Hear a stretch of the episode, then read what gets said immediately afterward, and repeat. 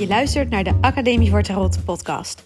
Mijn naam is Christa en ik deel heel graag al mijn tarot-ideeën, kennis, filosofische gedachten en creatieve tarot-inspiratie met jou, zodat ook jij het heft in eigen hand kunt nemen met de kaarten.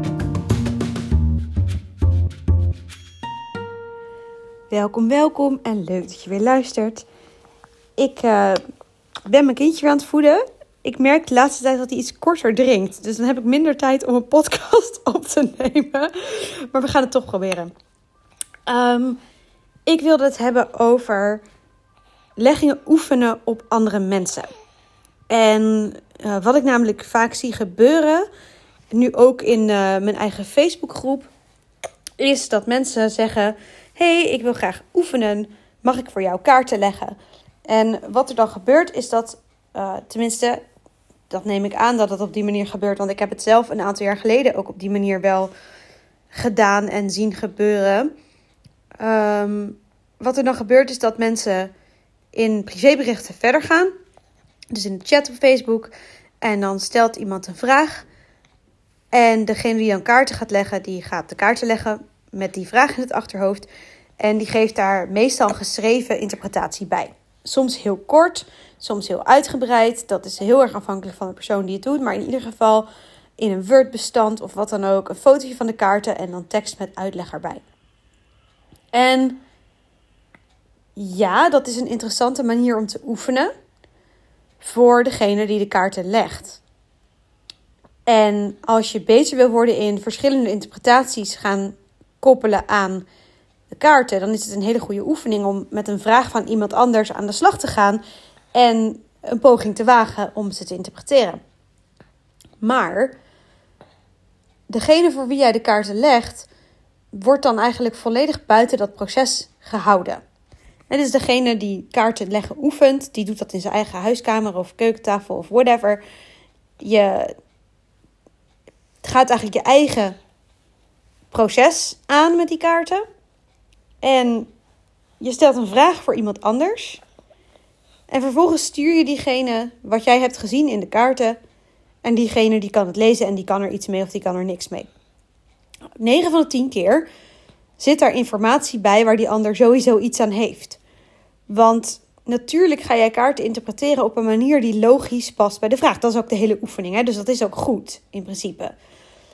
En je pakt zoveel mogelijk mee van wat je denkt dat de context kan zijn of wat je uh, weet over de context. En zo heb je een duiding die waarschijnlijk wel oplevert dat die ander zich daar enigszins in herkent. Omdat het, omdat het voor een deel ook gewoon logisch nadenken is. En begrijp me niet verkeerd, in principe is dat niet per se fout of zo. Hè? Waar het volgens mij misgaat, is dat er vervolgens best wel wat waarde wordt gehecht aan deze methode. Uh, zowel door degene die de kaart heeft gelegd, als door degene die het documentje te lezen krijgt. Als jij een documentje te lezen krijgt van iemand anders die kaarten voor jou getrokken heeft, dan is het heel logisch dat je daarin gaat zoeken naar herkenning. Dat je met een bepaalde bril op die tekst gaat lezen, in de hoop dat jij antwoord vindt op je vragen. Dat je je geholpen voelt, dat je um, ja, weet wat je nu te doen staat, dat, dat je concreet advies krijgt waar je iets mee kunt. En vaak voel je je ook geholpen. Is dat zo? Lees je het, zie je herkenning. Heb je zoiets van, nou, dat is fijn. En dan kunnen er vervolgens een paar dingen gebeuren. Of. Oké, nou, dit bedoelde ik dus. Momentje. Oké, ik pauzeer dan gewoon even de opname. Nu kan ik weer verder. Um, er kunnen dan een paar dingen gebeuren. Ofwel, je herkent je in wat je leest. Wat diegene voor jou heeft geschreven. En je denkt. Oké, ik weet niet of jullie het horen, maar je hoort nu. Ik hoor nu poepgeluiden doorheen. Dit gaat misschien wel een beetje ver. Um... oh, sorry voor deze onderbreking. Maar ik vind het ook wel weer erg grappig. Oké. Hoort bij het leven, jongens. Hoort bij het leven. Ik was aan het vertellen wat er kan gebeuren als jij dus kaarten zijn voor jou gelegd en je krijgt dat, die tekst en je leest die interpretatie. Mogelijkheid 1, je herkent je erin. Je vindt het interessant. Maar er staan geen concrete adviezen in. Of de concrete adviezen, daar kun je niks mee. En je denkt, nou, leuk, ik neem dit ter kennisgeving aan. Knap van die ander dat ik me erin herken in wat diegene heeft geschreven. Uh, interessant dat die kaarten zo kunnen werken en dat ik me daarin herken. Maar je doet er verder niks mee. Je vergeet het weer. Over een paar dagen is het klaar. En uh, nou, dan was het leuk. Maar dan had je er verder niks aan. Ik durf te wedden dat dat eigenlijk meestal is wat er gebeurt. Dat je het leest, je herkent je er voor een deel in. En vervolgens, ja, of je doet er niks mee, of op basis daarvan denk je zelf wel weer verder en kom je wel tot iets. Maar heel concrete stappen op basis van zo'n tekst, ik geloof er niet direct in. Wat er ook kan gebeuren is dat je het leest, dat er een bepaald concreet advies in staat, dat je dat dan gaat uitvoeren en dat je denkt dat dat de oplossing is voor je probleem en dat dat vervolgens je gaat zeg maar opvolgen wat die ander tegen je zegt. Dat kan goed uitpakken, dat kan slecht uitpakken. En hoe het ook uitpakt, dat is dus iets waar een stukje gevaar in zit, wat mij betreft. Want dan geef je een bepaalde autoriteit aan dit proces, waarvan ik me ernstig afvraag of het die autoriteit wel zou mogen hebben. Is het überhaupt mogelijk voor iemand om op basis van kaarten die je trekt voor iemand anders iets te weten over wat goed is voor die persoon.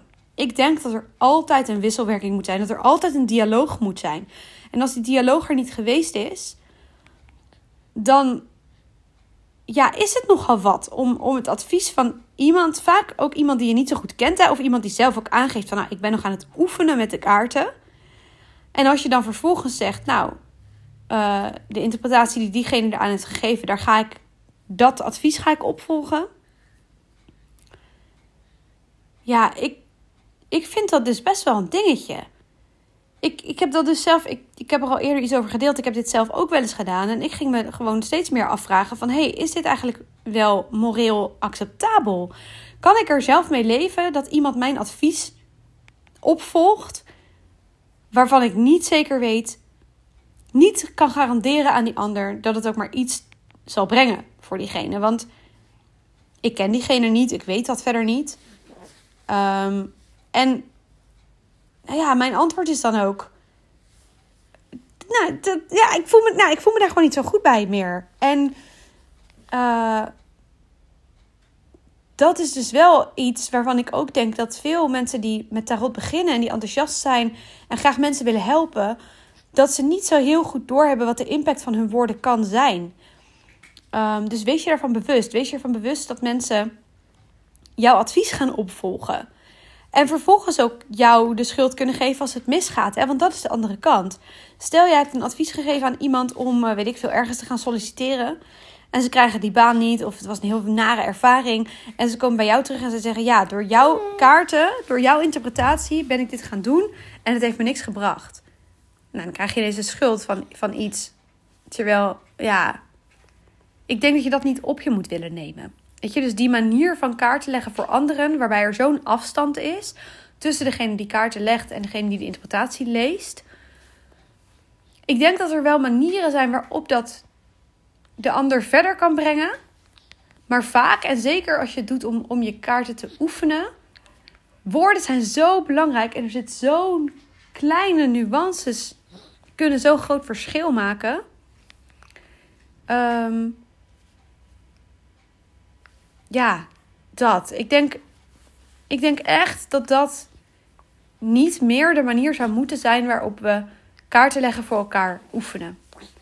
En ik denk dat we met elkaar op zoek moeten naar andere manieren om het oefenen live echt te doen. Dus niet je hoeft niet live bij elkaar aanwezig te zijn, maar wel via Zoom of via videobellen, op wat voor manier dan ook dat je dus met elkaar het gesprek over die kaarten aangaat. In plaats van. En natuurlijk, het is makkelijker en, en het is ook wel leuk om gewoon lekker op je eigen kamer kaarten te trekken en dan wat te schrijven.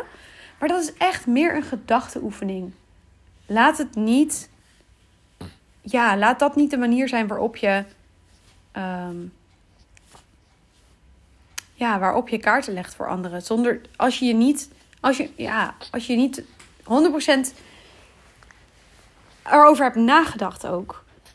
En ik weet ook dat er mensen zijn die het op deze manier verkopen. Dat mensen op deze manier readings doen waar ze geld voor vragen. ja, ik vind dat toch echt, ja, ik vind daar wat van. En ik denk ook dat het er wel, dat er een, ergens denk ik dat er wel een vorm is die hier sterk op lijkt, waarbij het oké is en goed is en omkleed met heel veel, ehm, ja, uh, hoe zeg je, wat is het? Ik ben het woord even kwijt, maar dat je meegeeft aan degene voor wie je dit doet, wat het proces is geweest en hoe diegene het mag opvatten. Dat diegene het echt mag lezen ter inspiratie en niet per se als vaste waarheden. Als je daarmee omkleedt, dan kan het wel. Maar de vraag is, moet je dat willen op die manier? En ja, ik zeg daar heel eerlijk bij, ik ben daar zoekende in. Ehm, maar ik vind dat we er in ieder geval het gesprek over moeten voeren. En ik vind dat nu nog te veel uh, het normaal gevonden wordt om op deze manier kaarten voor elkaar te leggen. Waarbij er te weinig wordt stilgestaan bij de, bij de impact daarvan. En natuurlijk, voor een groot deel is het onschuldig. Maar soms gaat het echt wel over serieuze kwesties. En ja, ik vind dat. Um, ik vind dat we daar met elkaar ons bewust van moeten zijn. Oké, daar hou ik het bij voor vandaag. Dankjewel voor het luisteren. Ik ben als altijd benieuwd naar je gedachten erover. Dus stuur me gerust een berichtje. En uh, tot de volgende podcast.